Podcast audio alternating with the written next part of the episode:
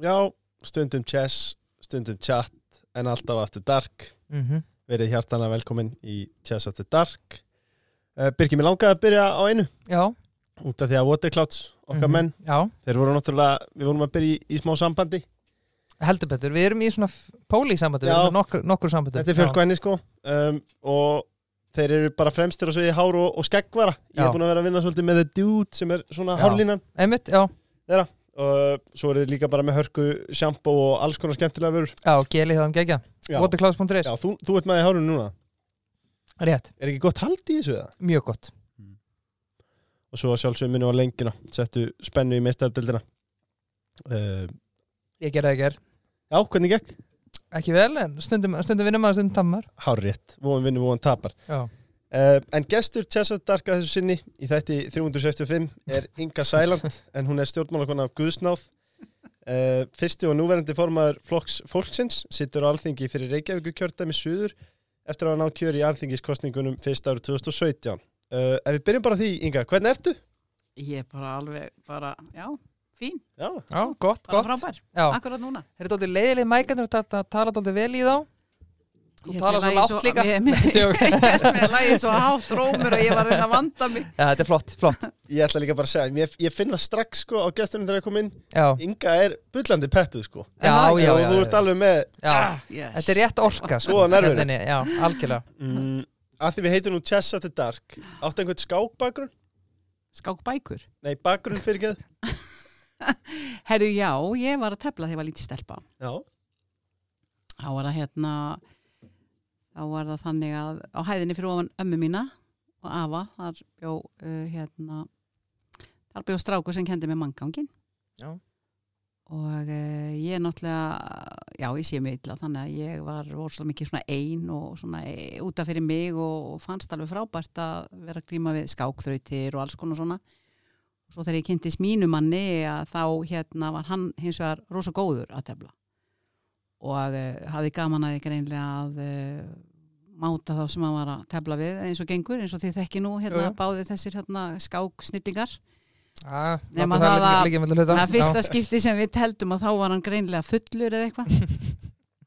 Og hérna og þegar hann sá að stemdi í óefni hann, hann vannmatt anstæðingin það var einhver stelpu skott og eitthvað svona og alltaf nú aldeilis og ég var náttúrulega verulega yfirveguð og róleg með, í minni stóisku ró eins og allir þekkja mig Jú, jú. af, alltaf svona cool og róleg. Að auðvitað náttúrulega þegar ég var fann að sauma að honum þá var það frekar fúll og, og í fyrsta skipti sem ég sá hann skipta skap við hann búin að vera saman í 40 ári eitthvað og sópaði skákmönn á borðinu.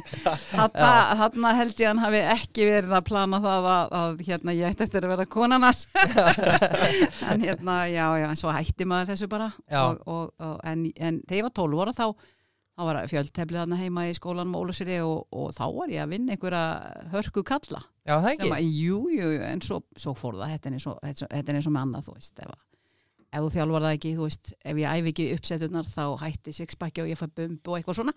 Og þetta fór, ég var ekki að þjálfa. Já, já, þetta er eins með skákina. En eins með skákina, hún er náttúrulega bara alveg stórkostleg, stórkostleg hvað lítur að því að, að hérna, til dæmis Mhm. halda þessum vöðva okkar uh, gangandi, heila, heila vöðvanum eins og bara krosskátur og allt, öll svona íþróttir, andlegar íþróttir og, og skákin eins og ég segi, mér, mér skákin ætti að vera skilirislaust kendi öllum skólum, já, góð heila val, val hjá öllum börnum og líka brýtur upp daginn og svona eins og tónlist og, og, og ýmislegt annað.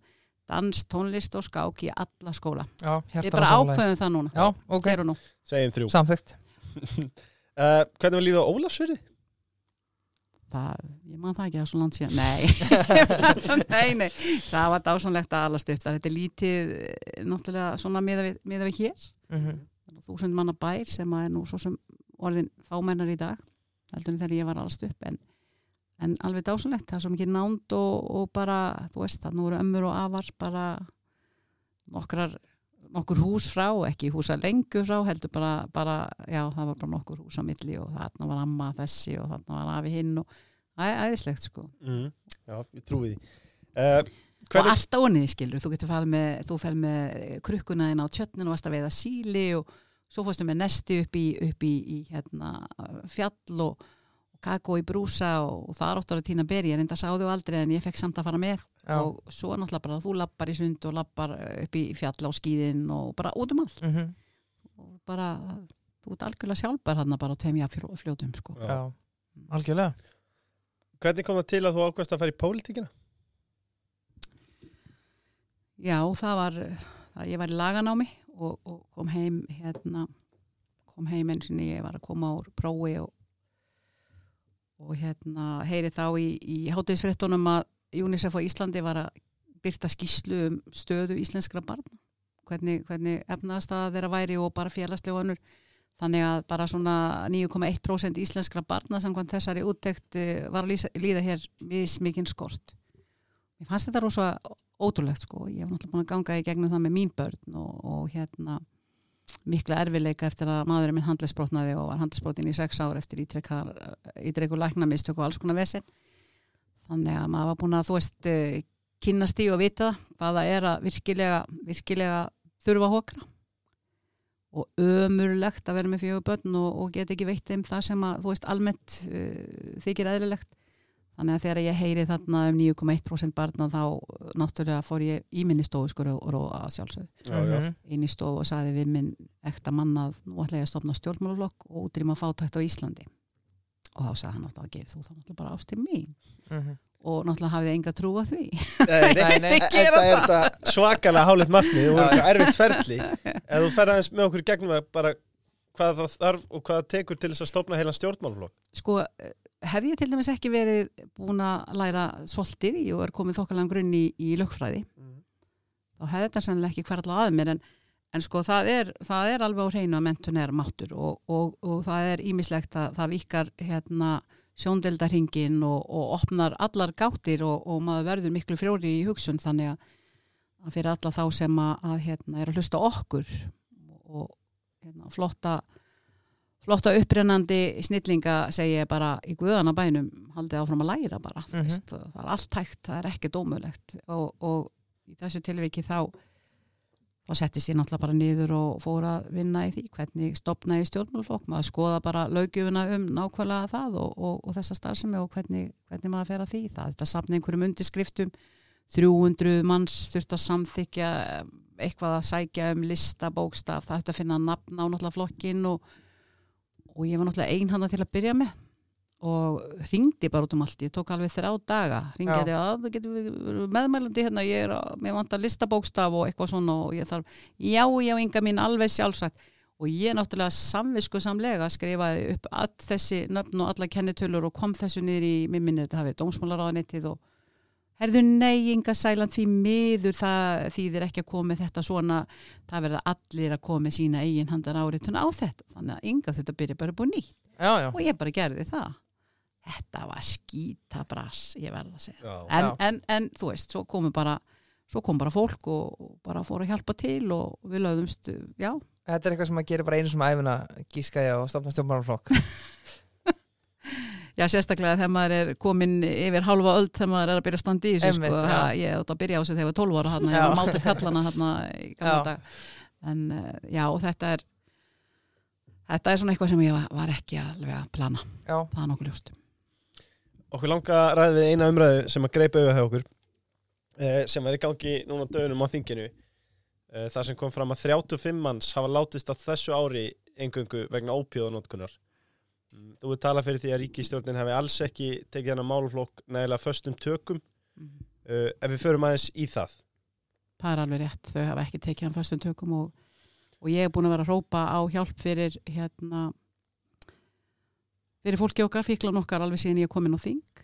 Og eh, Svandi Svavastóttir var áður eh, heilbyrðis á þeirra það var valla sá uh, tími á þingina sem var óundi búin fyrirspurt þar sem ég fór í hana eða, eða ég fór í störf þingsins þar sem ég var ekki einmitt að tala um þetta og, og var nú kannski fann að pyrra hana svolítið því það kom fyrir að, hún sagði þegar hún var svara mér að hátvirtu þingmaður hefur nú uh, áður komið inn á þetta. En staðrindin er svo að, að þetta er uh, miklu skelvelega heldur en þau vilja vera láta og ég, ég segi líka þetta að ef að 35 eh, meira á minna ungmenni sko, þetta er meira á minna ungmenni.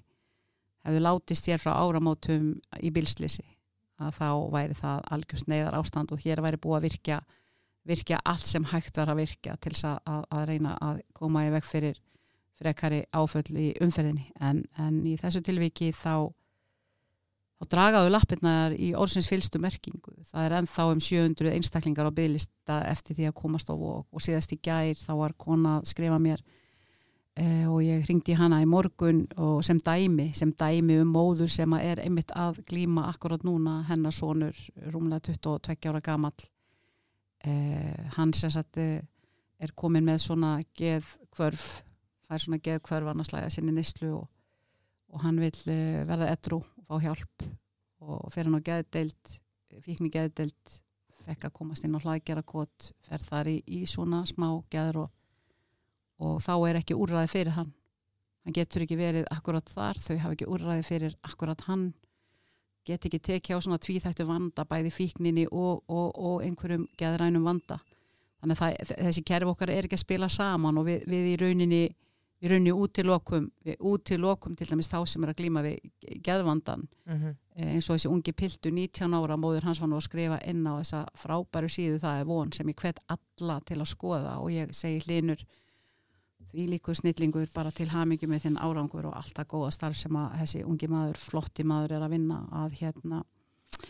Hann er 19 ára gammal og hann var ekki nógu geðveikur eins og mamma segi til þess að fá hjálp eh, inn á, inn á, inn á deild og, og það er sama með þennan hann hefur í engin hús að vemda akkurat núna en hann er edru núna og í stað þess að hver hefur ekki heyrt þingmenn tala um snemtæka ílutun, grípinn í strax taka þá með áðurna uh -huh. og mhm. allt þetta, þú veist það er ekkert þetta er allt meira um innandómt bladur það er ekkert að marka þetta Nei. það er ekkert að marka þetta Nei. þannig að, að maður er orðin eiginlega sko, til dæmis svona naloxón þessi nefúði sem að, að ætti að vera náttúrulega í lausasölu allstaðar þessi nefúði sem engin ánetjast. Það er ekkert ávanabindandi í þessu þetta er bara eins og neseril, ótrefin þetta er bara nef, nefsprei en þetta er nefsprei sem að getur uh, bjarga lífi.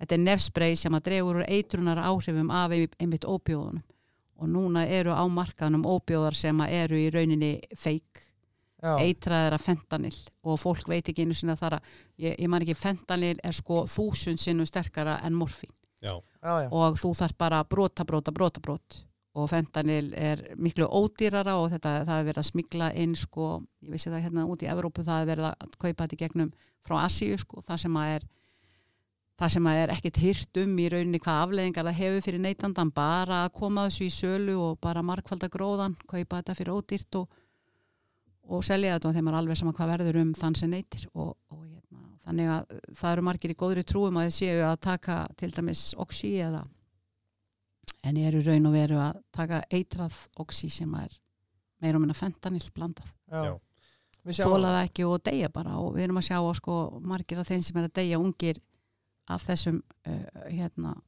af þessum hryllingi þeir eru ekki einu sinni búin að sko ánetjast fíkninni þannig að það sé hægt að flokka þá undir sko fíkla. Mm -hmm. þeir eru í rauninu oft bara að byrja. Vi, Við sjáum Tómas í þínum flokki þannig að hann talaði um bara að þetta verður bara óutfyldur tjekki bara til þess að losa þessa bygglista hann er flottu, búin að vera etru í 42 ár og Tommi er sá eini þingmaður sem hefur uh, þrjumað sér í ræðustól alþingis með AA-bókina og lesi upp úr henni fínan kabla hérna og dögunum.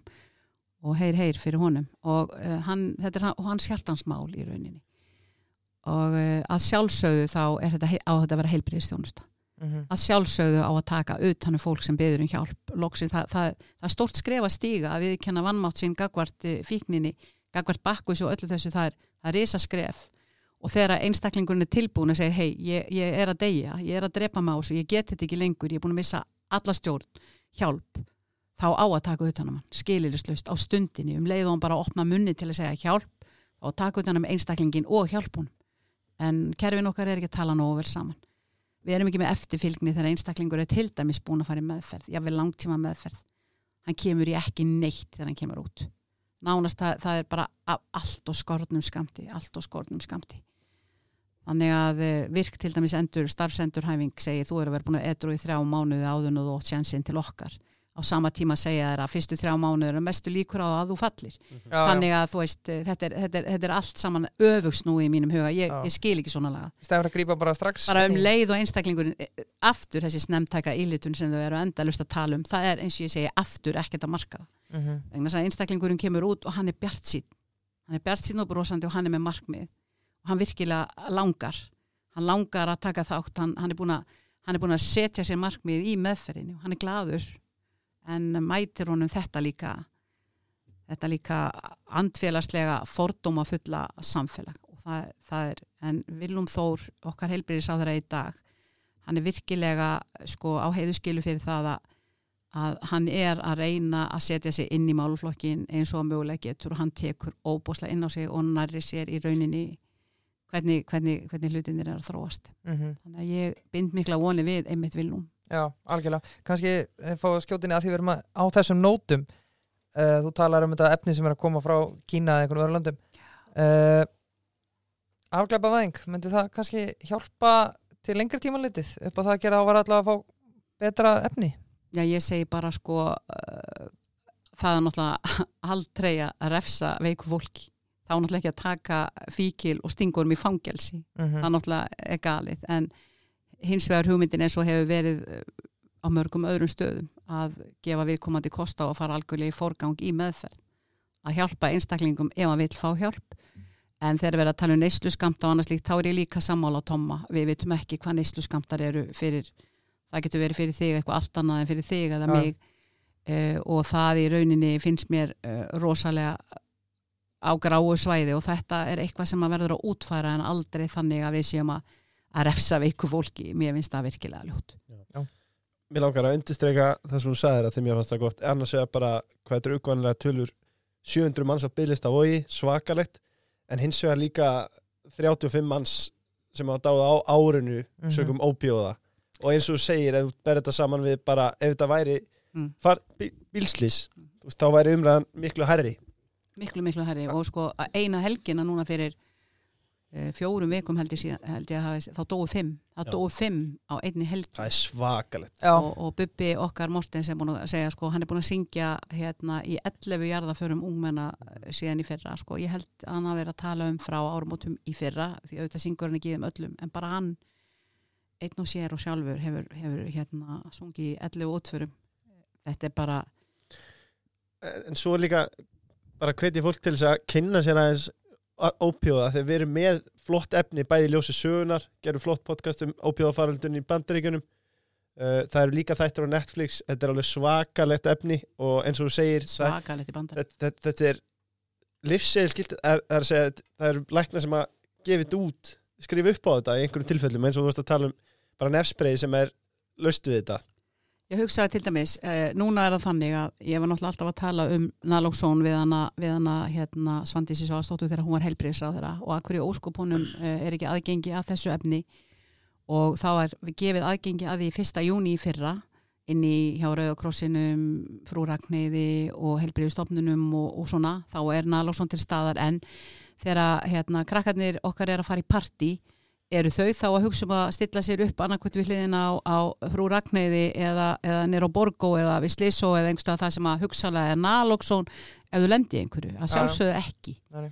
þannig að hins vegar ef að, ef að þú ert með nefspreið í vasanum og þú í rauninni fellur niður uh, vegna eitrunar áhrifa þá getur sá sem er með þér í partíinu farið í vasanðin eða sinn Mhm.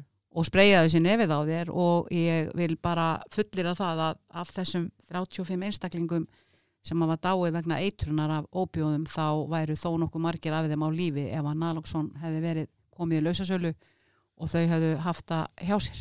Já. Já. Þannig að þarna sjáu ég, það væri margt öðruvísi ef að ég fengi að ráða. Já, mér Já. heyrist það og það verður Mm. líklega stef kvöldsins Vi, við, við erum að takla næsta mála en mér langar aðeins að koma inn á frumera Já af því að ef Ég Mæi- sá að Inga Já. kom á nýskoðanbíl Já, já, engar okkur á því Ef að mægi er eitthvað skoðun á mannuður um, Það þarf að drífa sig. Já, þá hveti ég ykkur til að drífa ykkur bifriðaskoðun eða jafnvel ökupróf. Maður gleymið því, maður tók bílprófin hjá þeim sko. Já, já, maður gerði það sko. Og gerði það. Ég, ég er, Sem við vil þarf að fara aftur þangað. Já, já, já, það er eins og það er. Um, En sko, eitt sem við langaði endilega að taka fyrir nú þú lagt til lagt til um að skatleika lífeyrisbarna strax það er að segja innefta skatti núna. Um, sko þetta, þetta er áhugavert og, og Jú, svo. líka svo sér maður einmitt óreinar í Fraklandi þar sem er verið að hækka eftir lífeyrisaldurinn fram um, um einhver tvö ár og, Já, upp hvað, 63 ára eða eitthvað. já, einmitt nákvæmlega maður, Á meðan að Bjarni og þau hér vilja hafa upp í sjötugt. já, Já, akkurat uh, Við erum svo sterk hérna.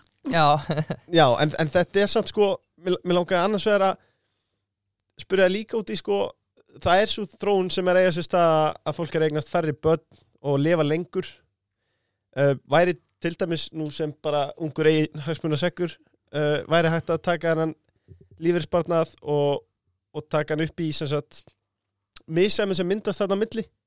Af því að sem sagt, að það er verið að hækka lífeyrisaldurinn í, í Fraklandi vegna þess að þeir sjá ekki fram á að hann standi undir sem sagt, fólks fólksfjölgun og, og já, Sko, ég hef nú ekki hugmynd um hvað þeir eru að taka mikið af uh, frökkunum í, í lífeyrissjóð og hvort, hvernig þeirra lífeyrissjóði er upp, hvort það er gegnumstreymi sjóður eða, eða hvort það er svona sam, samfélagslegur samtryggingasjóður eins og hér. mm -hmm. Eina sem ég veit er það að þú ert þingað til þess að greiða í hann og það er 15,5% takk fyrir já, Og ég segja absolutt, ef þetta eru launin þín, 15,5% af þínu launum, þá bara krefst ég þess að fá að ráða þe þeim og, og, og, hérna, og að ráðstafa þeim eftir að ég er dauð. Þá vil ég að til dæmis mínir aðstandendur og nánustu fái bara uh, að erfa minn lífeyrisrétt. Takk fyrir.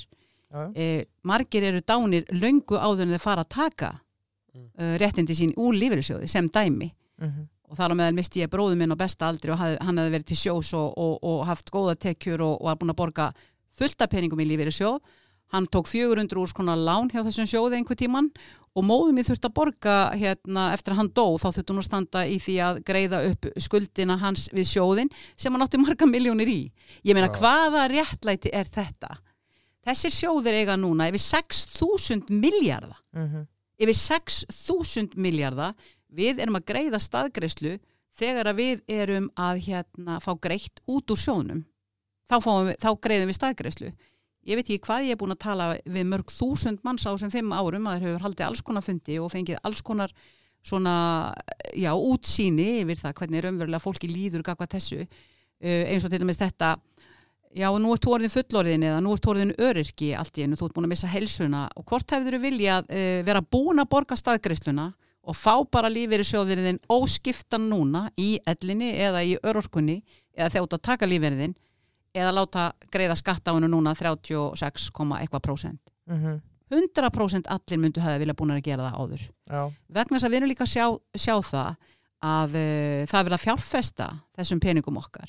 Það fara hátt í 30 miljardar miljardar á ári yfirbyggingu á sjóðunum.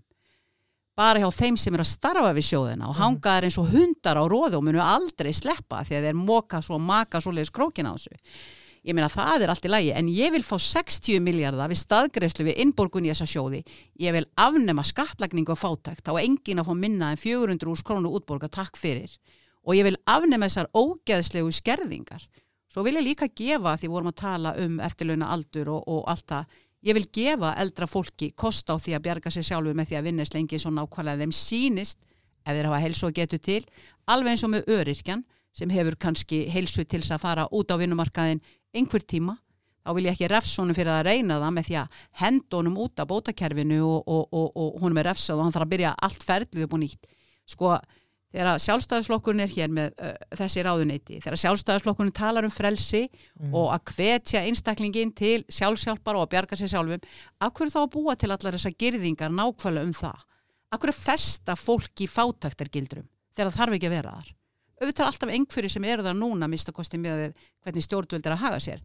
En það þarf ekki að vera svo leiðis en það er bara einhvern veginn þegar þú komin inn í einhvern ramma bara fastur í einhverju ramma þá verðist vera illmögulegt og ómögulegt að stíga út úr hún já, fyrir þessi stjórnvöld og ég hef búin að mæla fjóru sinni fyrir frumvarpi um það til dæmis að afnema skerðingar á launatekjur aldraðra. Mhm, nei, vegna, vegna lífeyristekna aldraðra þó þið fara út að vinna uh, og þá saði til dæmis Bjarni einu sinni, já en eh, maðurinn í Garðabæ, fórstjórn í Garðabæinga ertu að segja það að ef hann er með 900 skall á mánuði að þá er hann bara að fá að vinna skerðingalöst að sjálfsögðu ekki, þetta lýsir algjör í vannþekkingu vegna að ef þú ert komin yfir 500 eitthvað þúsund kallið tekju þá færði ekki krónu tryggingastofnun anyway. Já, já, það bull er þetta eiginlega. Fyrir utan ég sagði við hann hverslas lúsa launir á þessum fórstjóra í Garðabæ? Ég er víst nú við að fáir fórstjórar í Garðabæ séu bara með 900 úrs krónu það var held ég slagur fórstur það var slagur uh, uh, Sko, næsti málflokkur, húsnæðismálin já, um, Það er ómögulegt fyrir ungt fólk hér á landi að eignast íbúð í dag að minnst að kosti taka lán mm. eiga, eiga fyrir höfustónum uh, Við sjáum leiguverð annað rjúku upp. Nú sjáum við fjöldan allan af aðlum þetta af föstum vöxtum og það verður ákveðavert að sjá hvað gerist í framhalduna því.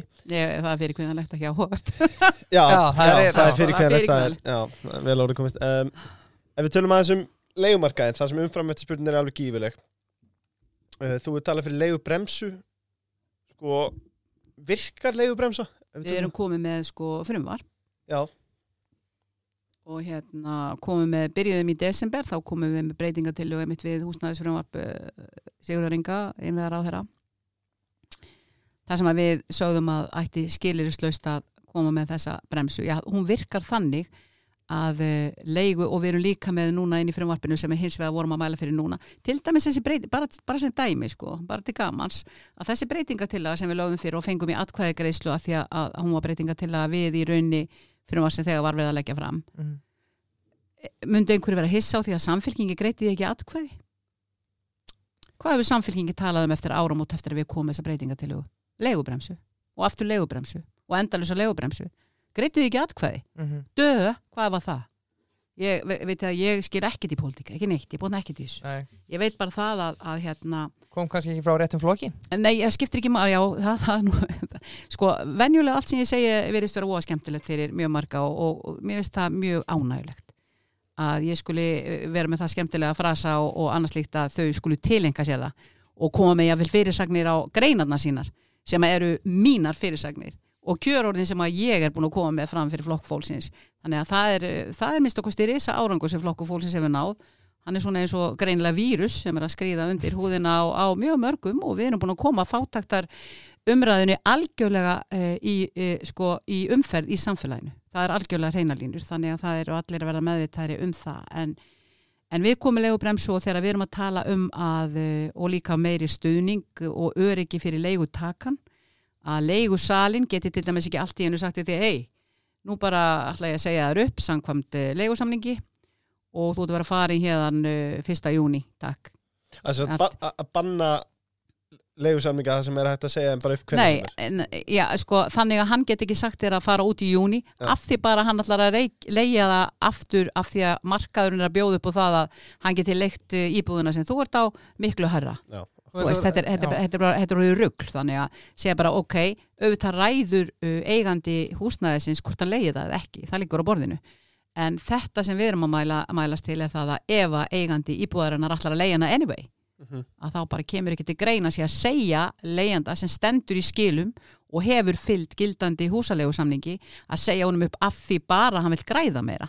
Í þessu árferði þá verður að gera eitthvað og þetta er uh, mjög góðu punktur og hækka ekki leiguna til dæmis núna uh, hækka ekki leiguna meira en 2,5% sem að eru neðri vikmörk Sælabankans, verðbólgu viðmið Sælabankans e, út árið 2024 til dæmis. Það er ófremdar ástand á markanum og það vita það allir og það, það sem að e, ég býst við að flesti hljóta vera farin að átta sig á þessi fjármála áallum sem að við erum að vinna með í þinginu frá sem að gilda fyrir árið 2024 til 8 hún er náttúrulega bara 0,0 eins og ég hef skrifað um því hún er ekki taka á einu eða neinu Sælabankastjóri í svörturloftum rópar í hjálp og þeir sitja bara uppi með, með, með þennan kaleg og, og sennilega 13.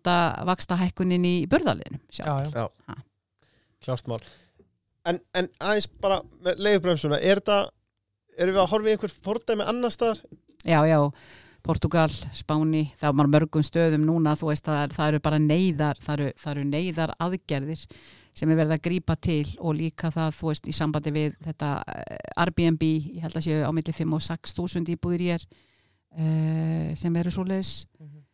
uh, það eru það eru raunni það verður í rauninni einhvern veginn að stemma stegu við þessu að kannski einn og sami einstaklingurinn geti bara verið með það sem business að taka yfir eh, 10-15 íbúði bara til þess að leia þeir Airbnb þú veist, eitt er að græða og annars líkt alveg svo vel í öllu þessu frelsi en eh, hitt er svo annað þegar það fara að bitna á samfélaginu í heilsinni þegar það fara að valda í rauninni vera bara almanna hagsmunir eru bara hreinlega undir að einhver stað verður að draga mörkin og í þessu tilvíki þá þá hefði uh, sko ef þeir til dæmis, ef ég hefði nú fengið að ráða frá byrjun, ha, hm, mm. frá 2017 við vorum alltaf að mæla fyrir því að byggja, byggja meira, meira, meira verkamannabústaði, byggja alveg brjálæðislega. Hvað gerðum við þegar við þeittum upp breiðálskverfinu, hvað gerðum við þegar við þeittum upp gravarálskverfinu og bara þörfin var mikil og við áttum nóg land, keldnalandi og allt land sem var hægt að, að, að búa til fyrir alveg glæsilega byggð, íbúa byggð einhvern veginn virðast mér þessi ráðamenn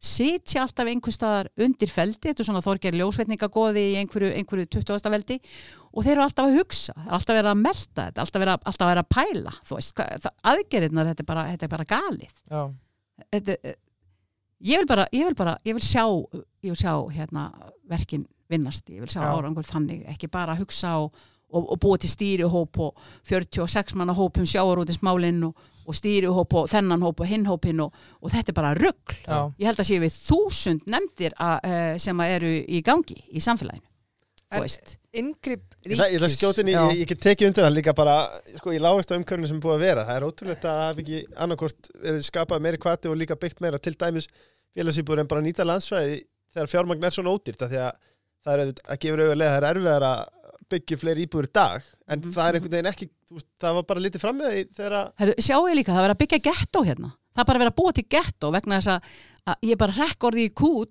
Sjáu ég hva, hvernig þeir tróða þeir reyna að tróða sem flestum íbúðum á sem minnsta blettin. Græða græða, byggingaverktakarnir og þeir sem er að fá lóðurnar hérna að reyna að koma bara þúsund íbúðum á eitt fermeter, það væri draumurinn algjörlega í dósinni og tróða þeim svona hlið við hlið, þannig að þú stendur bara á þínu svölum og banka bara á gluggan í næst hæ, getur þú lána mig sigur, Já, þú veist, sólinn skín aldrei þarna. Þetta er alveg skelvelegt að horfa upp á þetta. Við erum að sjá bara, þetta er að gerast í alvörunni fyrir fram að nefi á okkur. Já, þetta er að gerast, eitt er að þetta byggð mm. Já, já. og aðal, annað er bara að vera bara, þú veist, að gera þetta bara einni stóri blokk bara, búm, klessa þessu öllu saman. Ég hef aldrei bara, þú veist ég mótmæli þessu. Já, Já. Við, við tökum skipulagsmálin í Reykjavík fyrir algjörlega á eftir. mótmæli þessu, Já, harlega já, já.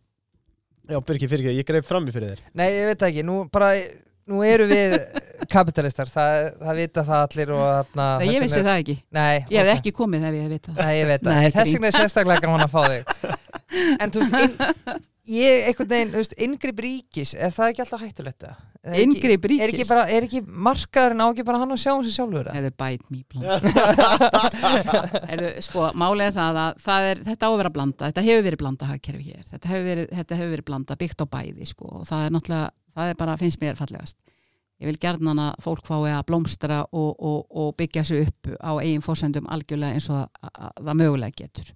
Og við höfum að vera það en e, það eru ákveðin e, það eru ákveðin skildu verkefni sem er liggja á ríkisvaldinu. Við verðum að tryggja ákveðina grunn þjónustu og, og, og, ákveðin grundvöld án þess að það sé bara einhver græðgisvæðing í gangi. Því að þessi kapitalismi sem við erum komið með hérna hann er fann að nálgast eiginlega það sem við erum að horfa upp á í bandaríkjónum við vildum það ekki neitt, þetta er komið út fyrir allt sem er svona eitthvað eitthva norm. Það er komið út fyrir það að vera norm þegar í rauninni öllum er orðið sama sem eru í öll, all, öllu þessu græðgisrugli sínu hvað verður um alla hina? Og ég meina til dæmis eins og með heilbriðiskerfið og svona, við höfum búið blanda heilbriðiskerfi en við verðum líka að vera trygg með það. Það verða allir að hafa efni á því. Það sem kapitalíska kerfi gerir ef við verðum svona ofsalega gróft. Það verður svaldandi, það verður meiri stjættaskipting og þeir sem að eiga lítið þeir verða útundan að þeir geti ekki, þátt þeir geti ekki verið með. Þeir eru er- bara jaðarsettir. En eru við ekki með vinstri sinna helbriðiskerfið? Við erum með blandað heilbriðiskerfi ég meina auðvitað var Svandís að reyna að gera það kommunist alveg. Já, en ég meina eh, það er önnur saga. Já, já. þú veist ég að við vorum að senda hér fólki í liðskipta aðgeri til Svíþjóra sem kostuði þrisva sinnum meira. Mhm. þú veist við vorum alltaf að spara aurun og flega krónunni. Þú veist eh, við, ég er ekki þar. Nei, nei, ok. Ég er rosa blöndu manneski eins og heyrið sko. Það er bara, já ég er svona, já. Já, Já, en við vorum aðeins komin að stöða með Reykjavíkuborgina uh, talandi um þjættingu byður og annað sem að ætlar ekki að tala um hvað þið skulda mikið. Hvernig þið gáttu tínt Ó, tveimur og jú. halvu miljardi hvernig, að hvernig, var það- hægt sko? Ha, Hvernig er þetta að sitja áfram og hafa tínt 2500 miljónum? Já, þess vegna er fyrsta spurning einfallega, gætu við sér Ingu Sæland sem borgarstjóra í næstu sveitastjórn Ég hefði allavega ekki klikkað svona bókaldinu fyrir utan það að við hefum aldrei skulda 20 miljardar. Takk, takk fyrir Inga uh, Af hverju kýs Reykjavík borg þetta yfir sig aftur og aftur? Er það ekki bara hérna er það ekki bara gamla hérna sæki í vöndin og fljóta að gleyma, gullfiska minni veist, og, og það er svona eins og uh, fólk verið hissa allt í einu þegar kemur eitthvað gamalt myndband, gamalt kastljós, gamalt kveikþáttur. Oh my god, eins og þegar verðbúðin kom sko um ég trú ekki að þið séu ánaði með það hvernig, hvernig farið var með þjóðina í kapitalísku uppbyggingunni á sjáarútveginu Nei, ég hef það ekki. Ha, nei. Þannig að þú ert ekki alveg ert er ekki, þú ert ekki alveg helblári Nei, ég er með mína skoðan á sjálfskerfinu já, sko. já, ok það, Ég er það- meiri verist að maður Já, ég, það, mér líður aðeins betur hérna þá aðeins, Þetta er aðeins Já. skára Uh, já, en einmitt eins og minnist á þetta fór úr því að vera einhver hvað, Fór þetta ekki úr öskun í eldin eða? Já, tæpur, tæpur halvu miljónar pluss í, í, í tvo rúma í, í mínus Hvernig hérna Kannski liggi einhver staði fimm braggar í mögulega felum, ha? allir á 500 miljónir ha? Gæti alveg verið sko Já, Já. Þetta, er, Eh. þetta er og samt er þetta kosið aftur og aftur En er ekki flokka fólksins, þeir eru stjórnarhanstöðana, er þeir ekki að berjast fyrir að rífa þetta í ganga? það er nú engin eins og Kolbrún hún er bara algjör trukkur í borginni hún bara er með bókanir allstaðar og dugleg Já, ég er bara ofur stolt af þeirri konu og, og, líka, og líka fólkin okkar sem að Helgu Þóladóttur og, og einari og öllum þessum snillingum sem að eru uh, að vinna fyrir okkur í borginni já já mm. og hún les sem pistili Gæti Reykjavík orðið gjaldróta? Já, sjálfsögur getur hún verið gjaldróta eins og bara, við heyrðum nú bara fjörið þarna í Áruborg. Já, Ég, að segja- ég ætla að segja eitthvað svolítið, það er lindamál, þið með Já, ekki segja. Segi engu. ekki Ef þið segja þetta, þá kem ég aftur. En allavega Þið lofið að segja Það einhver ég var í, ég var í hérna fjárlaðan endur daginn og þar komu full, fullrúar náttúrulega frá uh, ráðun, ráðunettinu, fjármála, fjármála ráðunettinu. Það komu öll ráðunetti núna, e, þú veist, tvö, þrjú, fjögur yfir hvern, þú veist, dag í, í, í fjárlaðan, þá erum við að taka móti ráðunettunum og vegna, vegna þessar fjármála áætlunar, þannig að komu öll ráðunetti til að segja að þú veist, við viljum skera niður hérna og við þurfum að draga saman seglin eða whatever. Já, ég nema hvaða Þarna komu þeir inn og, og, og sögðu bara já og, og það kemur hérna greinlega fram, þetta var frá mig, Þegar ég held þeir hafi komið frá hagstofunni, sagði, já að það er, það er jafnvægi hjá sveitafélagun sveitafélagin eru bara á góðum stað og þetta, það vilist vera að það sé í jafnvægi. Og daginn áður, kvöldið áður vonum við að heyra það Árborg voru á hausnum Reykjavíkuborg allt í steik og svo kemur það í ljósa Garðabær og það eru bara meira á minna sveitafélagin vitt og breyttunlandi sem eru í vandraði Já, eru bara ströggla og sérstaklega út af þessum, e, þessum hérna, þessari verðtryggingu sem flokku fólk sem hefur barist gegn í fimm ár með endalausum frumvörpum og tillögum á þingi og sem er náttúrulega sópað undir teppið þrátt fyrir að lífskara samningnum þá hafi ríkistjórnar á þeim tíma stíðin í hann og sagt já, það var eitt liður í að lífskara samningurinn áðist að þau ætlu að ráðast í það að fara að skera niður verðtrygginguna. Sérstaklega á neytendalánum eins og til dæmis núna þegar þið talið um íbúðarlánin þessi til dæmis eh, óvertriðu íbúðalán með breytilegum vöxtum sem eru kannski fastir vextir í x ár og að fara að losna núna en hvað gerist hjá þeim sem að, að sko, þetta er, þau, fólki er vísað í verðtrygginguna? Mm. verðtrygginguna sem að býður upp á það að vera að borga nánast helmingi minna fyrir lánið þitt núna til að byrja með. Og þú hefur uh, kannski ekki fjármunni til að borga 300 úrst á láninu en þú gæti kannski borga 160 úrst að því. En svo kannski eftir 15 ár þá er þetta að fara að borga 1,2 miljónir að því. Og lánið er búið að fjórfaldast og höfustólinn orðin ég veit ekki hvað, hvað þá þegar við erum með einhver, ein, ein, einhverja hérna, einstefnu í svörturloftum sem að sem að hækkar alltaf stýrivexti og, og, og, og stjórnvöld er ekki að stjórna neinu. Það er samt eitt sem að kórunar þetta Reykjavíkuborgar fíasko, ég leið mér að kalla það. Mm. og ég ætla að við erum enn í Reykjavík sko. Já, Já, ok, já, já, ok, já. Ég verið Kópói Þú ert nú, nei, það er allt í toppstandi já, uh, Sjálfstæðarflokkurinn þar Sko, ég veit ekki hvort að fólk veit þetta en það bara fínt. Hérna, Ég er að stela þessu af hann með Pétri Ríktir á Twitter. Uh, Undir skrifstofu miðlara stjórnsýslu er skrifstofa mannréttinda og líðræðis Í fjárhagsváta Reykjavíkuborga fyrir árið 2023 er gert á fyrir að rekstragjöld miðlara stjórnsýslu verið 2 miljardar Mannréttinda og líðræðisskrifstofan er með 19% af þeim kostnaði. Notabenni ég setja aftur. Mannréttinda og líðræðisskrifstofan það gerir 367 miljónir í árlega rekstarkostnað á skrifstofun eru skráð 13 stöðugildi. Það er miljón á dag. fyrir þess að 367 miljón krónur fáið því íbúa Reykjavíkur eftirfærandi Mannréttind og líðræðis skrifstofu frammelikir mannréttindastefnu Reykjavíkurborgar og stendur vörð um að borgarbúum sé ekki mismunað. En þá kemur alltaf góðum punktur. Í nágrann sveitafjölugum eru nákvæmlega engi fassi starfsmenn og sviði mannréttindi eða líðræðis en ekkert líðræði og engin mannréttindi í Kópói, Garðabæ, Hafnafyrir, Moselsbæ og Seltjarnissi Þannig að þetta er svona til að kórona þetta sko. Þetta er alveg, þetta er snilt sko, en það sko, er það furða þó að staðan sé eins og hún er til dæmis Kolbrún Baldurstóttir sem er okkar hérna, fulltrúi í, í, í borginni eh, hún er búin að hrópa það alveg núna í 2-3 ár eh, um bröðlið og hvernig það verða að fara með fjö 15 miljardar í einhverja stafræna lausnir þau eru að finna upp hjólið alveg upp og nýtt. Við eigum Ísland.is og alls konar sem er búið að gera eh, hérna en þau þurftu að gera allt upp og nýtt allt upp og nýtt, allt upp og nýtt. 15 miljardar fór í það, það er að Já. fara í það 15 miljardar króna. Það er kannski kostaði 15.000 kall ef þau hefðu bara látið sér duga eitthvað sem að, að hérna var þegar til staðar. Einmitt. Þetta áverið eitthvað flottara hjól. Já, já, um, árum koma næsta er það Payday að sjálfsög já, já, peiti, við elskum allir peiti Já, hvort, við, við elskum öll Payday uh, og þeir eru náttúrulega að bjóða fyrstu 30 dagana frýtt núna Já, já, og alltaf reyndar, þeir hana uh, en þeir sjá bara um bókaldi fyrir þig sem einirkja, fyrir lítil fyrirtæki meðalstór fyrirtæki og sjá um að senda reikninga og annars líkt þeir, þeir hafa verið okkur mikil björg í bú, ekki satt byrgir heldur betur uh, en okkur langar að útlendingamálna þess Hvar fæ ég þetta peiti? Hvað, hvað er það? sko, Þú ert að senda reikninga og yfirsýni Ah. við rekstur og annað og svona þannig Hafi að, ekki fengið neitt frá keldsunni? nei, ekki að það Ah, í alvöru?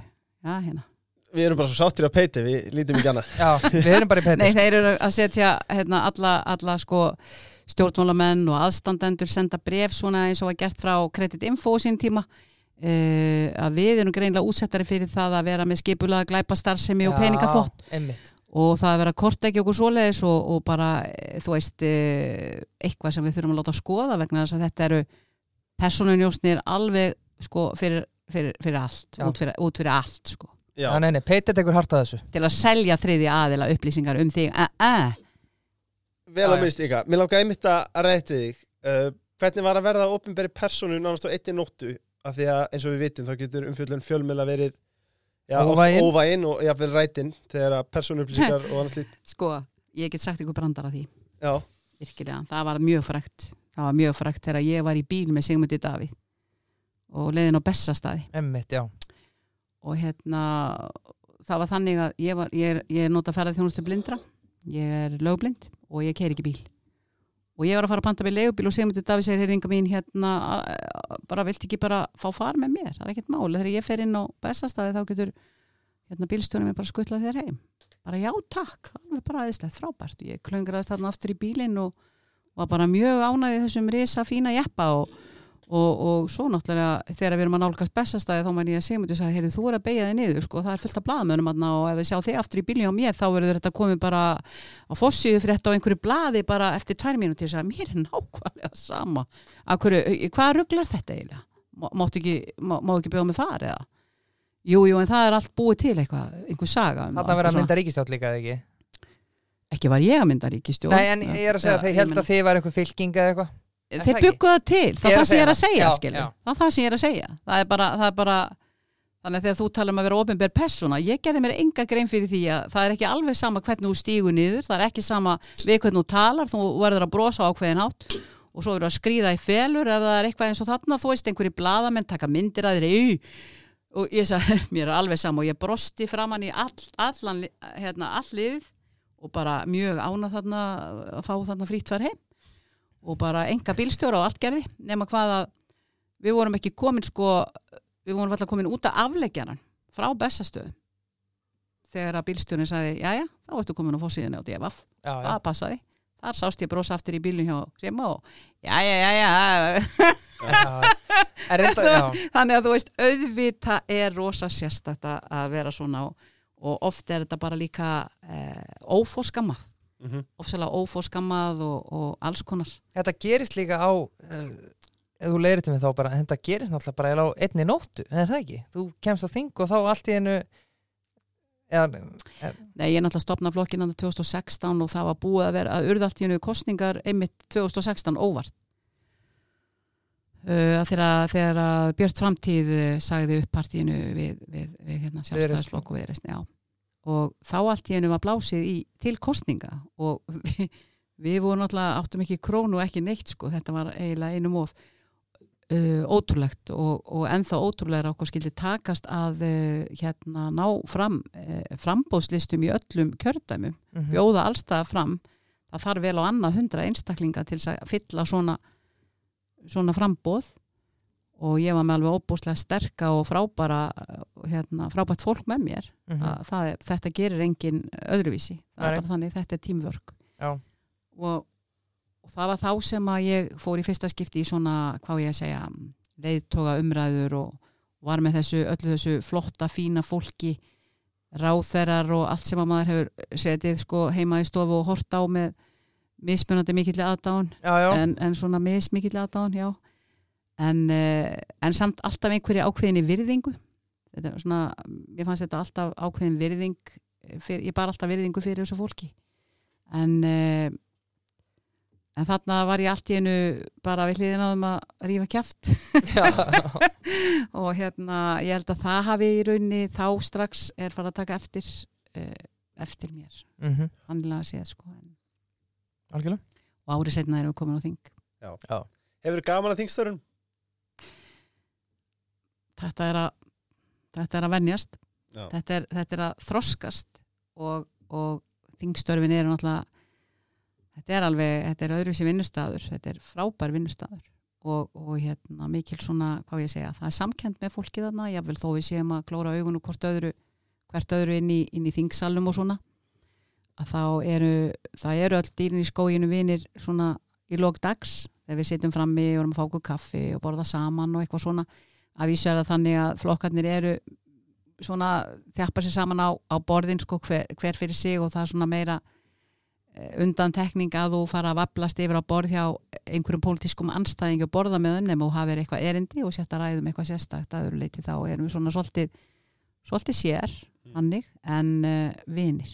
Já, þannig að þessi þingstörfin er að eh, það tekur langan tíma í rauninni að tilenga sér þingstörfin og, og átt að sjá því út af hvað þau snúast ég til dæmis gerði mér aldrei grein fyrir því að vinnan væri svona óbúslega mikil að við værum svona upptekin alveg frá því 6-7 á mótnana og alveg bara langt fram á kvöld. Ég vissi ekki óum helgar og bara og jólafrí og, og allt. Ég vissi ekki að þetta væri svona mikið. Þetta er líka, þú ert ekki þetta er ekki þessi hefbunda átta til fjögur vinna. Þetta, þú ert allan ásins ring mm. þingmaður.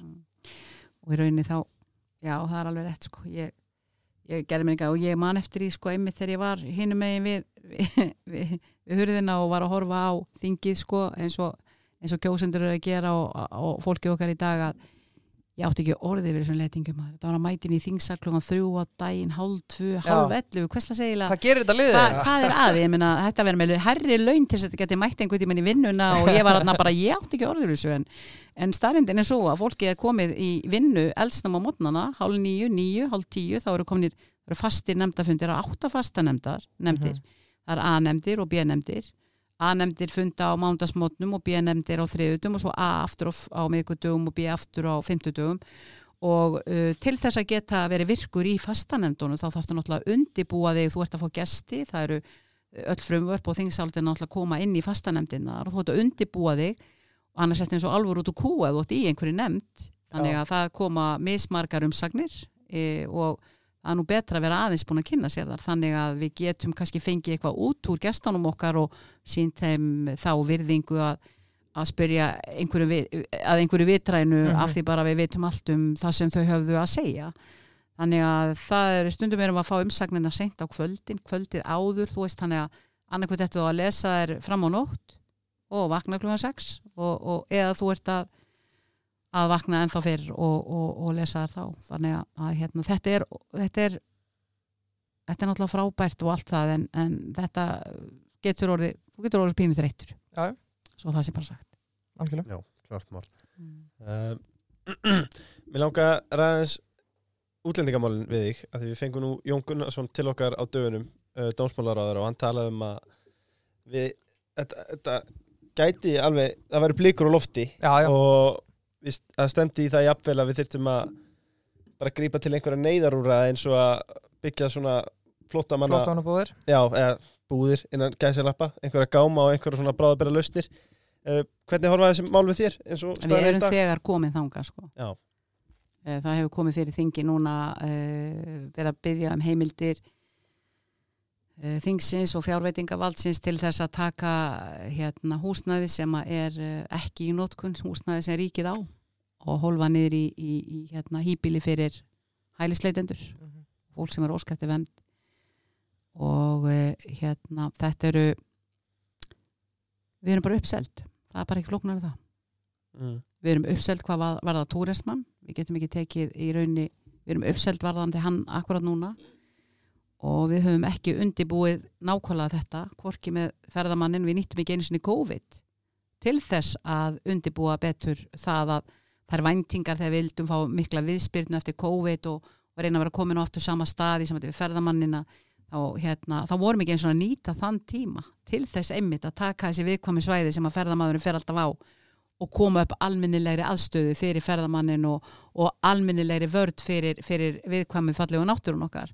Og það er sama að segja um uh, hælisleitendur og alþjóðlega vendar umsóknir.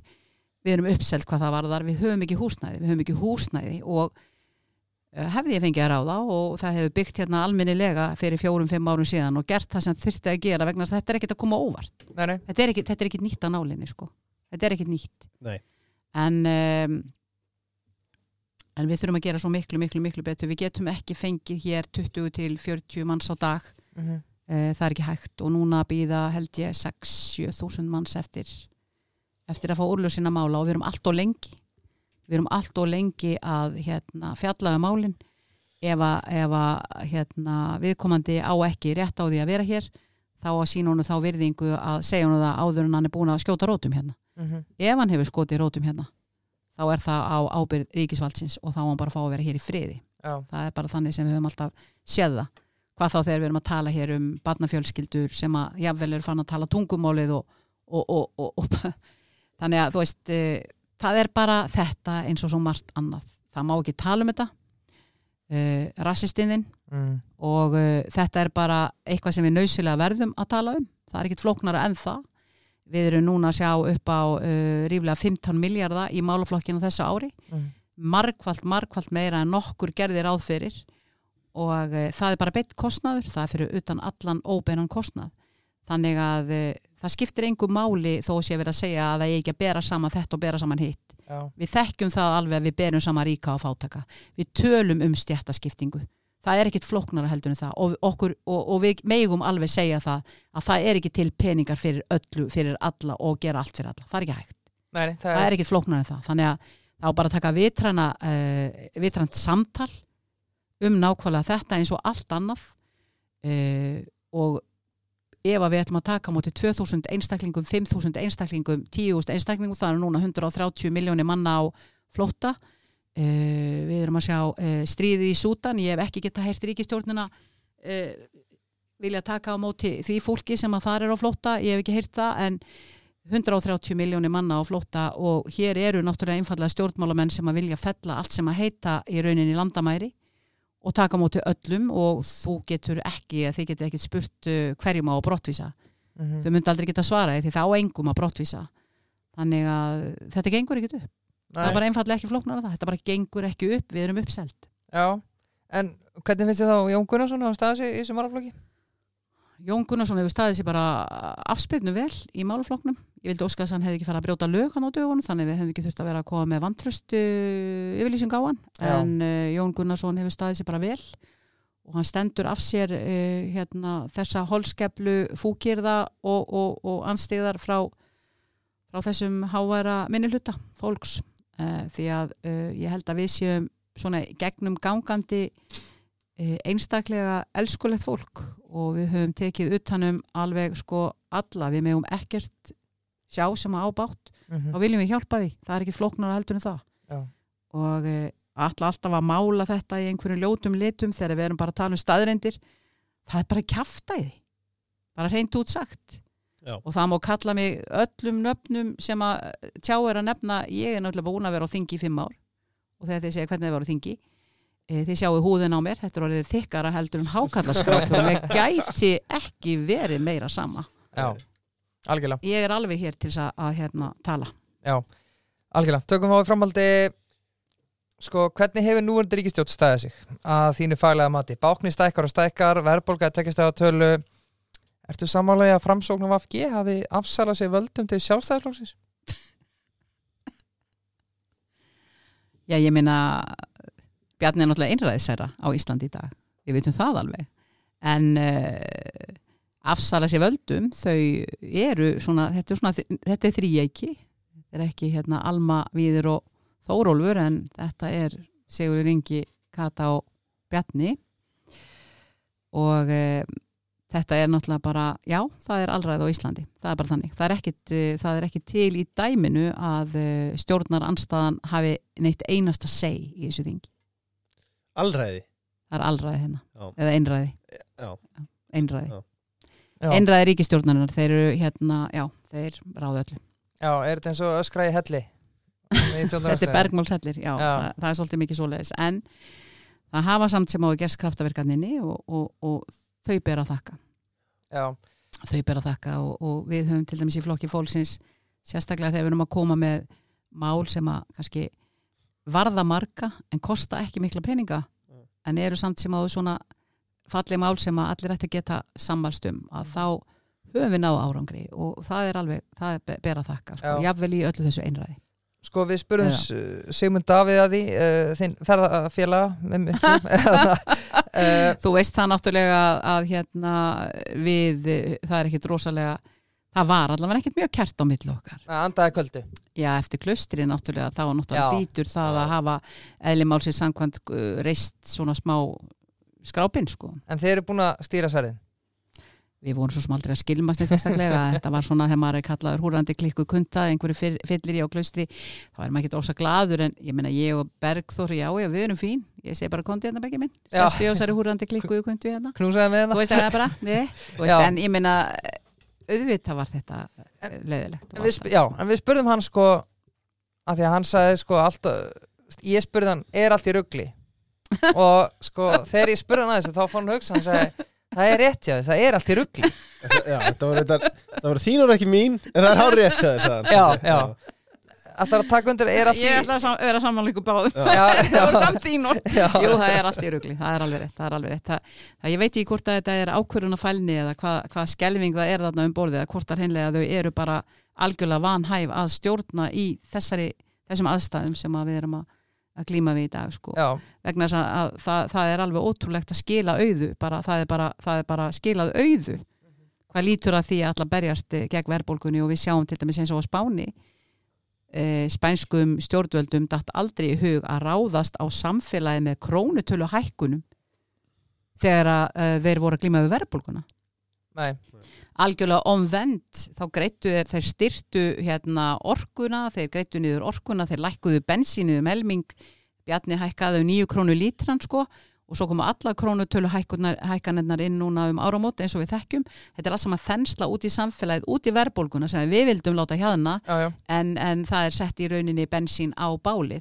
Þannig að e, ég segi sko e, það er engin, það verðist ekki vera raunverulegu vilji til þess að takast á þetta eða bara ekki ég, ég veit ekki, ég, ég get falla sagt það en í stundum finnst mér bara hreinlega að það skorti bara já, ok, ég ætla að umöta því þau ætti að tepla meira þau ættu að tefla meira. Að tepla meira. Já, það er enda gott Já, það, það blur hugan Já, það blur hugan og uh, vi, uh, vika sjóndildaringi en þú sagðir skila auðu en þau vissi skila auðu, já. við tölum á hann og Reykjavíkaborg og fólk er að kjósa þetta yfir sig aftur og aftur.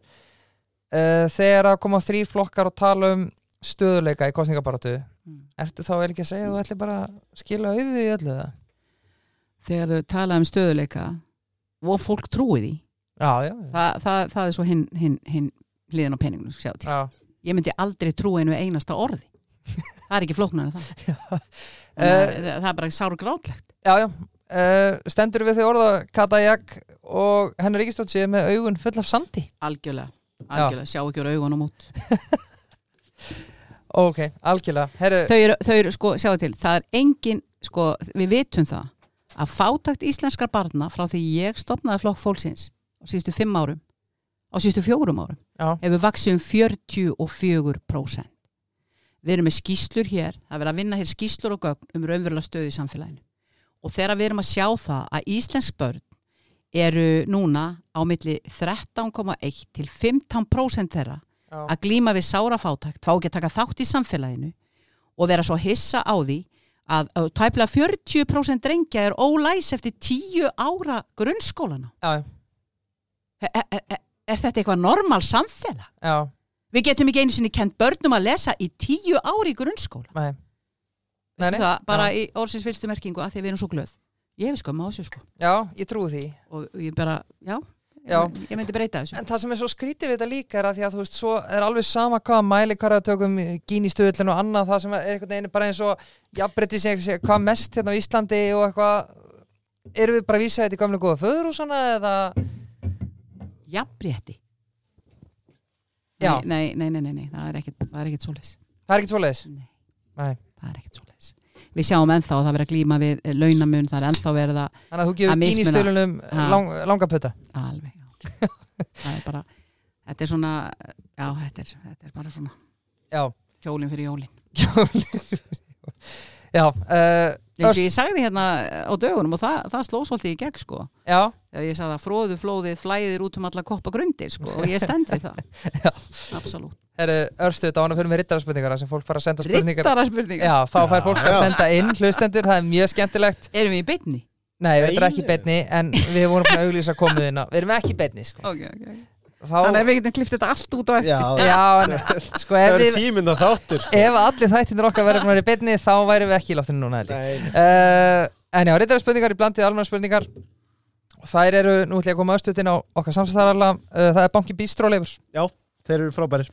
Uh, Það verður veistlega í bankanum á fyrstaðskvöld Því að dikt við er, Íslensk er þið frá að skáklíf bjóða mér eða? Hvað er í gangi? Já, herru, Steindi Junior er með pubquiz eða Kahoot pubquiz á fyrstaðskvöldi Það er allir velkomnir, að sjálfsögðu Sérstaklega Inga Sæland sko. Já, Já, hún gæti fengið vísbendingar og svona fyrir spurningunum sko. Já, Já, og síðan en ekki síst uh, Herma Guðmundsson sem er reyndar harðu sjálfstæðismæður uh, kemi.is uh, Boss bremsulutir hákjaða bremsulutir fyrir þig og þína.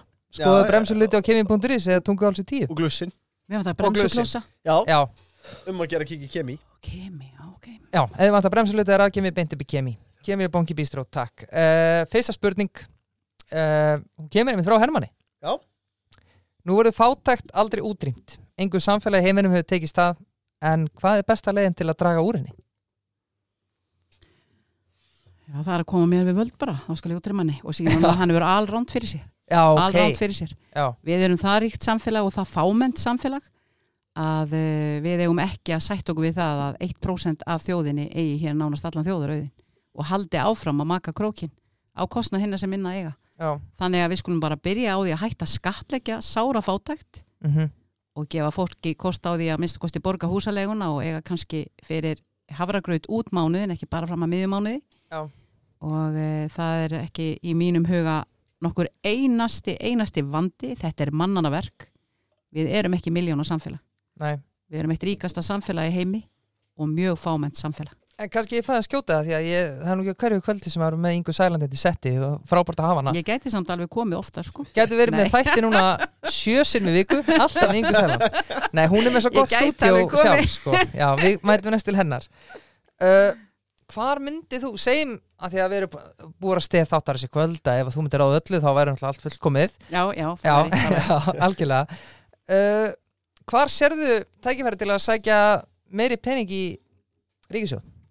Ég er náttúrulega búin að margrópa á það eh, og gera breytingatillögur við fjárauka, fyrir fjárlög, alltaf að kalla eftir því að við sækjum peninga þar sem þeir eru fyrir.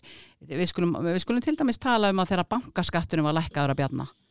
Já, Uh, já. Er eitthvað eðlilegt við það að við myndum fá núna bara inn í ríkisjóð, bara svona, með því að smetla fingri, 9 miljardar króna ef við kemum bankaskattunum aftur upp í 0,465%. Undir hálfu prósenti. Undir hálfu prósenti. Hann er núna undir 0,2%. Það var lækkaður E, og, og, og ástæðan fyrir því að bankaskatturinn var lækkar á sínu tíma af því bara það ætti að koma svona vel inn fyrir okkur neytendur og þjónustu göldin munu lækka þau náttúrulega er að hækka, vextinni munu lækka þeir náttúrulega bara hækka, það er alltaf hækka. Það, það, það, þeir eru með allt niður eins og í þessari ríkistjótt það er ekki að marka orða því sem þeir segja. Eh. við ætlum að ná í bankaskattin, setjum hann í 1% við fáum 30 miljardar ég vil sjá bankaskatti 1% 30 miljardar En, sorry, ef við myndum hækka bankaskatt myndi þá ekki bara bankarnir hækka vexti og gjöld þessa móti? þeir skildu bara að voga sér. En, ég meina, en allavega hana þá vil ég fá uh, hlut deilt af þessu arðráni sem er núna á íslenskum heimilum og fjölskyldum í landinu með alveg ógeðslegum okkur vöxtum og verðtryggingu. Já. þeim er í lóa lægið að gera þetta ekki. Þeim er Já. í lóa lægið að slaka á hérna hengingarólinni. Já, en þeir gera það ekki, mm það er ekki flóknar en það já, ok, við skulum líta á Ok, uh, komum sjáarútvegin Já. stórútgerðina stórútgerðina, ok? Við skulum sækja þar nokkuð marga miljardar ég veit ekki hversu marga miljardar en ég vil fá hluta af epitunni. Íslenska þjóðin á öðlindina elsku stórútgerð gefu okkur 50-50, er það ekki svolítið fer þurfum við að eiga villur og, og kastala út um alla jörðina? Megum við ekki fá pínu sneið af kökunni, já, er það ekki svolítið fer Já. og svo skulum við tala um lagseldið hérna já, Já, þeir eru ekki að borga baun í bala næ, miða við það sem þeir ættu að gera. Miða við það hvað þeir eru að hafa aðgang að í rauninni okkar dásamlega lífríki og aðstæður fyrir það að koma upp náttúrulega þessu frábæra lagseldi já, já. Ég er ekki að segja að það sé slæmt. En þeir skilja borga já. fyrir það. Já, já, og það sem besta er að ég var nú að spjalla þegar ég var, eh, var að fórum á rattunum nefndar við fulltrúa Arnarlags og þeir sögðu bara, heyrðu við erum bara alls ekkert á móti því að borga meira nei, nei. Og hvers vegna erum við þó ekki að, því að láta á að gera það ég er alveg sammála ég, því. viti það, ég bara get ekki skilið það. Ég er með hérna, ég fór í ræðu hérna í þinginu fyrir þreymur ánum síðan til að sína fram á það hvernig við getum hægt að skatleggja fátætt, hvernig við getum afnumið alla skerðingar og hvernig ég var bara búin með einföldur reiknistæman að 140 miljardar bara sér svona. Þa, það stendur enn sko. Þeir eru bara fleiri vegna að ég vil fá meir út úr bunkunum Já, akkurat núna. Þannig að, Já, algjörlega, uh, vel svarað þannig að núna eins og ég segi Bankaskattur, uh, viltu fara í, vil- viltu fara í hátekjuskattin? nei, nei, nei, nei, þetta er líka allt fólki í landinu Já, já, Jú, í rauninni þá er eh, sko, það er helmingurinn að tekja honum tekjum. Það er hátekjuskattur í Íslandi. Ef ekki að segja það. En, en sko, mý, mítan sem að, stjórnin er alltaf að þusa um núna. Nú ætla ég aðeins að gefa það smá meiri sand í augun. og nóg fyrir Hefðu og var nóg fyrir. Sko, þau eru alltaf að tala um það að þau séu búin að koma á þessu uh, læg, lægsta skattreipi sem að nýtist þeim sem að vest standa. Já, Búin að setja skatt, lægsta skattreipi nýri hvað? 32, eitthvað prósent. já, þau gleyma alveg einu.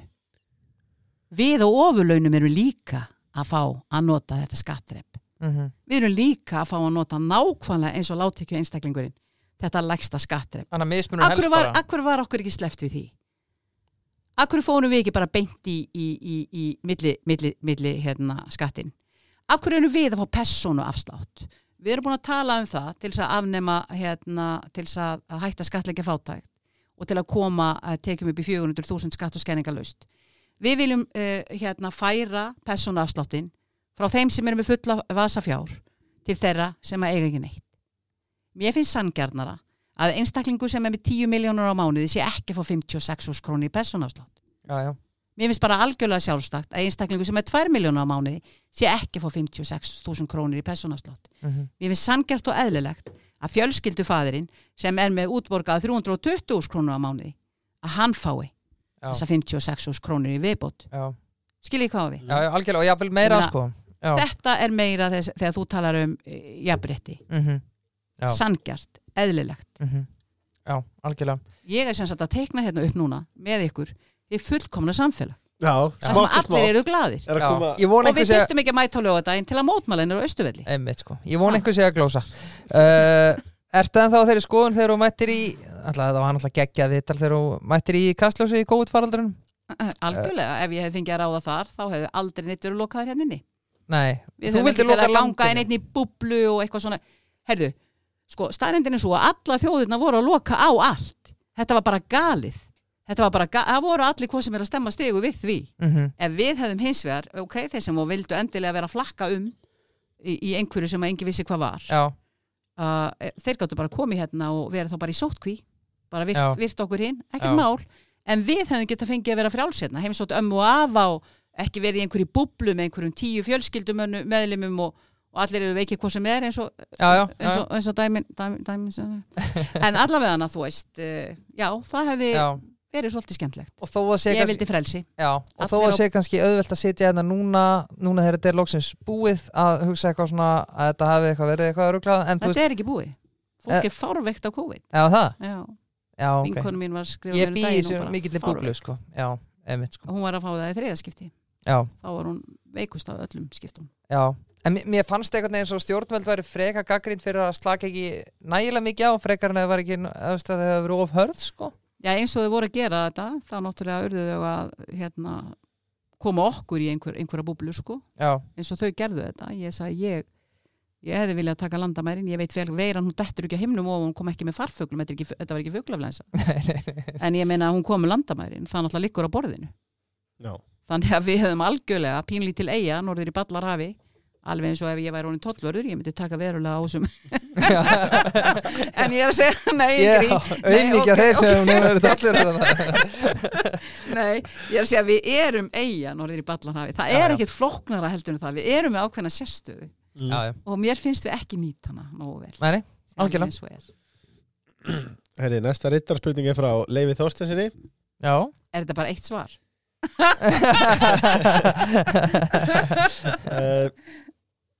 Hún er drauma ríkistjórn Draumaríkistjórn. Já, Draumaríkistjórnin er með öllum þeim sem vilja lofa mér að ráða. Já. Já, Og ok tríma fátækt. Já, Hægt að skatleggja fátækt. já, engin flokkur sem er eitthvað svona meira aðlæðandi en annars Mér finnst þau öll freka falleg. Já, En já þau eru öll frekar fallið samanlega því Já. En, en það breytir ekki þeirri staðrind að ég vil ekki og við munum ekki vinna með þeim sem að eru ekki tilbúinir að fara strax og hugsa um fólki fyrst. Já, Við viljum hugsa um fólki fyrst og svo allt hitt. Þannig að svo ríkistjórn sem að myndi virkilega uh, setja það uh, bara í hjarta, hjarta sitt í það að setja fólki í fyrsta sæti virkja mannaðun okkar og útrýma fátækt ég menna, vá, það er Mm. minn draumur sko. heldur það gæti gæst að þessi stjórn haldi bara áfram út í í, ekki út í óendalega það er alveg á hreinu, en kannski út kjörtímabili kjörtímabili Útgjörtíðanbili, já, ok, já, já, ok. En sko, þau, þau gætu gert það, já. Þau eru búin að ganga í gegnum ímislegt Mhm. það, þau hafa mist þarna ráð þeirra á skaftinu og, og ímislegt gengið á hjá þeim og, og, og, en samt sem áður þau, þau halda saman. Já. og þau eru sterk saman. Mm. þannig ég held að það sé svona milli þeirra sé svona ákveðin strengur. Mhm, eins Klárt. og segir í hérna textanum frá var ekki stjórninni sterkari en stál sko. Já, já, ég hef þá tilfinningunni samanlega því. Allir Hafn spyr Eitt þingmaður með þér í boxringin Hvern myndur taka með þér? í bóksringin, Já, Þórunni Sveinbjarnadóttur af hverju? Hörðu af Ah. sér, ha, hörðu af sér. Já, Þórun, Já, ég spyr. Nei myndi langa bóksana bara. Já, Já það var ábygglega spurningin. Ég hef bara minnstúlka þessa. Já, uh, varst ekki að tala um bóksin? Jú, jú, allir á þessu spurningu reynda sko En þú veist að Ég er ekki bara hárið hérna þetta. Um, Já, já, já, já. Já, Uh, Pétur Magga næstu, svona fyrsta leiftur er ekki lengur til? Ó, er, það, þetta, jæja. Já, er það ekki bara vestri þitt lið og af hverju vinnaði lengjudeldina, spyr hann. Hvað sagði, Pétur hvað? Pétur Magg Pétur Magg, já, Já, ég held að, ég hef sagt Martin sko, ég, hvernig veit hann það að, að hérna, að liftu var mitt lið? þetta er heimavinna Já, viltu gjöra svo vera að spyr, ringdi ég að spyrja hann hvernig, hvernig vistu þetta og það spæja þig Nei, nei, hérna ég vil náttúrulega bara er ekki liftu KS, er það ekki mitt lif núna? Hvað heit það er aftur? Víkingur Ólusík Nei, nei, sorry, þarna Er þú nú komin á Snæfellsnesi? KF, sorry, knastbunni fyrir að fjallaberaði ekki Já, Já. Snillingur. Þannig ég, ég er KF. þar, ég er Já. þar. Já, KF ég er þar, ég er þar. Um, Besta fjárfesting á ferðlinum Þetta er sett, svo þú fáið smá bakgrunn á þessi spurningu. Við hefum spurt, ég held í hverjum einasta Já. þetta frá því við byrjum og við vorum fyrst með meira fótballtamenn, þannig að þetta heitir ennþá ferðlin Besta fjárfesting á ferðlinum sem á bara við æfina Einhver skemmtileg, Besta fjárfesting? Já, og síðan versta líka. Ég, ég hef bara aldrei fjárfæst í neinunum, ég kefti eldgamalt hús á Ólasverði, sætla minninga og var allt vittlust í samfélagin út af því. Já, já, Ég er búin að eiga það í fimm ár og ég er ekki ennþá að geta verið í því vegna þess að það er óýbjóðar hæft en, en það er nú önnu saga. Uh, það, uh, það var, jú, ákveðin fjárfesting. Ég við tók lán sem að greinilega er að fara til fjandans með öllu hinu rugglinu núna sem er í gangi hérna. Þannig að ég held að, Þú afgreiti bara báða spurningar Þannig að það var- besta og Besta sko. þannig að já, þetta var, þetta var svo leis. Uh, Viltu taka upp annan gjaldmiðl? Ég vil allavega ræða það. Mm. Ég vil Mhm. allavega, ég vil allavega skoða það á einhvern, einhvern vitran, vitran hátt vegna þess að já, jáfnvel þó að króna sé nú uh, hérna, að sé ekki henni að kenna hvernig allt er að koma á þessi mannana verki, hvernig hérna, henni er stýrt að margan hátt þá held ég að sé ástæða til þess að ræða það. Við höfum til dæmis talað um það að það væri ekki galið að að vera með svona ákveði myndra og tengja hana við eh, góðan, eh, sterkan gjaldmiðil og, og þannig að sveiflan er því kannski aldrei meiri heldur en einhver x prósent, 5% upp niður, Mhm. eitthvað whatever en, en það er svo önnur saga þetta er óútfært og þetta er eitthvað sem að landsfundurinn okkar tekur, tekur ákvörunum já uh, Síðan spurningin, uh, er til fólk hér á landi sem kann ekki fara með pening? ég get nú ólega lítið dæmt um það að þannig að séð en ég býst við því vegna þess að eins og pabbi mér sagði ég býst fór kast en, en hérna.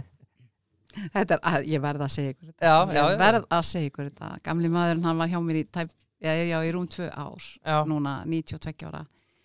Og orðin svona svolítið svona já, ekki að tefla mikið. Ok, ég skilji, já. En, en, en, en, en, en sem sagt en svo allt í einu hann, hafði samt svo gaman að segja mig sögur. Ok. alls konar sögur og, og skemmtileg heit og, og ég alveg skelli hló ofta pappa sko, þá segir hann hérna já og það var hann, það var hann hérna nefndi mann, við skulum bara segja Siggi Jóns eða eitthvað, Já. hann var alltaf við alltaf, hann var beðin að gera eitthvað. Já, að þá hann alltaf, greip hann fyrir hjarta og sagði, ó, ég býst fór kast.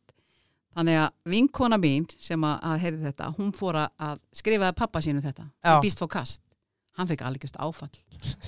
Sagði bara, ertu full af hverju segir þetta, menur ekki ég býst við að ég sé að fá kast, nei ég býst fór kast. Ég býst á þannig að kast, það, já. það, þetta, þetta var komið út um allan heim sko. Já, já, já, þetta var fyrir gómar og allir voru konum með, ég býst fór kast. En allavega hana þá þá hérna hef ég ekki verið að tefla núna nefna bara þennan fyrsta leik áðan. Einmitt, Þannig, ó, hver var spurningin? Já, já, já.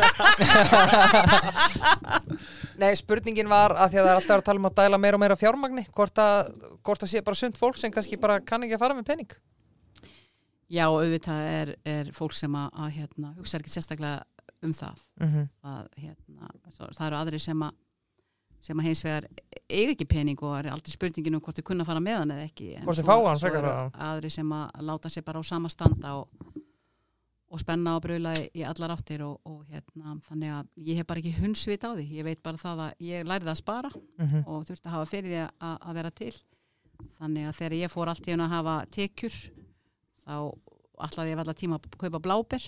Já, og þetta var alveg bara svaka erfitt fyrir mig fyrst sko að, og ég sagði bara ég skal kaupa tvær dósir. Og ég gerði það sko. Já, þetta var hann fyrir jólinn fyrst eftir ég fekk allt í hennu bara útborgað bara alvöru pening og það var rosa skrítin tilfinningi skal við kenna það.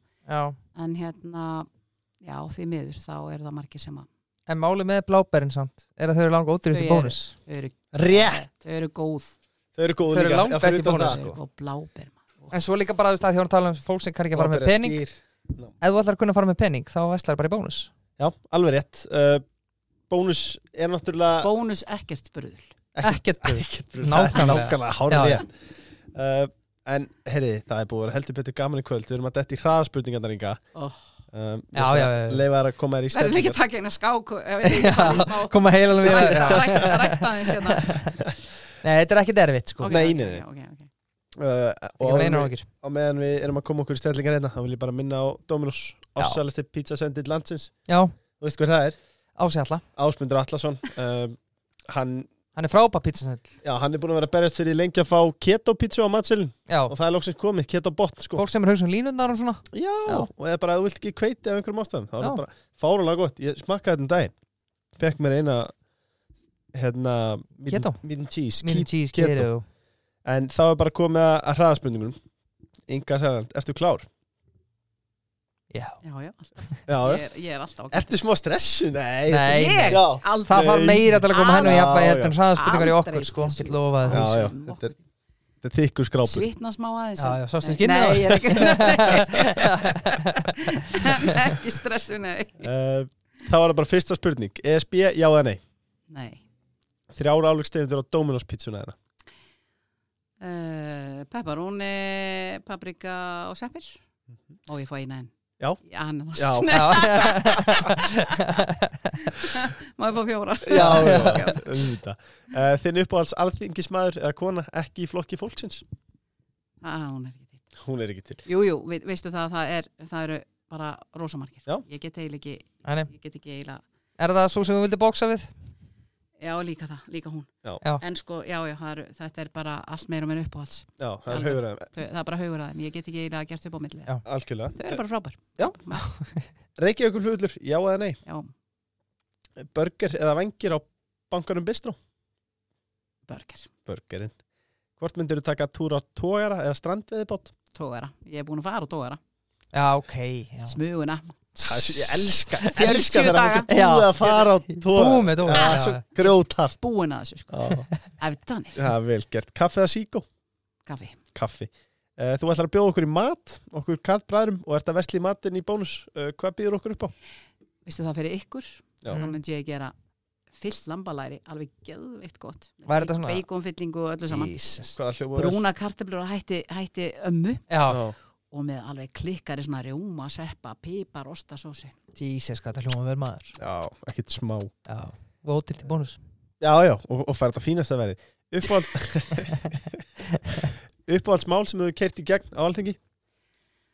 Ég, ég sko, þau eru nokkur. Mhm. og við erum náttúrulega ekki í ríkistjórn Nei, nei, en við erum nokkur og þar á meðal held ég að það stærsta hafi verið þegar við hérna náðum að afnema skerðingar á styrki til livja og tækja kaupa og, og hérna byrja að kaupa. Skattlægningar og skerðingar á þessa styrki fór út og gerðu mikið fyrir marga það var mjög gleðilegt. Og svo náttúrulega þegar ég tala nú ekki um það þegar ég er að berjast fyrir því að, að fá jólabónus uh, fyrir Einmitt. jólin handa, handa fátakasta fólkinu okkar. Mm -hmm. Uppáhalds hljómsveit? Ó, ég, er svo margar. ég held að Queen, ég elska Queen. Já, bara, oh, I want to break free.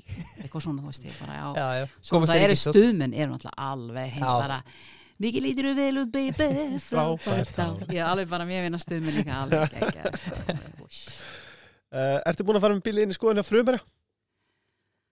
ég veit ekkert hvað kallin verð með bíl í skoðun ég, ég veit Jú, hann, fór, hann hringdi mig á hann, fer í. Er Hann sagði ég fer bara í frumir ok, ok, ok Fullu kollu byrkir uh, Eitt ráð til ungs fólks Þetta er loka spurningin í kvöld Það er búið að vera aftur Frábært kvöld Fárónlega gaman í kvöld bara vertu þú sjálfur og gerðu það sem þú vilt þeir, eru- þeir eru allir vegi færir var þetta láttu engan segja þér það Mm. elskulega, þú sagðir ungt fólk Já, láttu engan segja þér og sért ekki snillingur og geti gert allt sem er mannlegu og aldrei stendur þeir eru ekkert ómögulegt Er, það, er, það, er þetta úr stuðmennu líka? Vertu þú sjálfur eða? Hver, hver á þessa línu? nei, er þetta ekki Vertu þú sjálfur? Já. Þetta er Helgi Björnsvæði Þetta er Helgi Gerðu Björn. Gerðu Helgi það sem já. þú Já, já. vil var það ekki það? Já. Jú, Hann, já, láttu enga segja til þú sjálfur, þetta, er ánægð með þetta. Bara, uh, Inga Sæland. Takk hérlega fyrir kvöldi takk fyrir ykkur, það var ofsa gaman að koma til ykkar. Já, gaman að fá þig. Átti ég að koma aftur annað kvöld? Já, Já, annað annað kvöld. ok, kvöld. þá. Eða bara í fyrramálið. Já, herru, takk fyrir kella Takk fyrir ykkur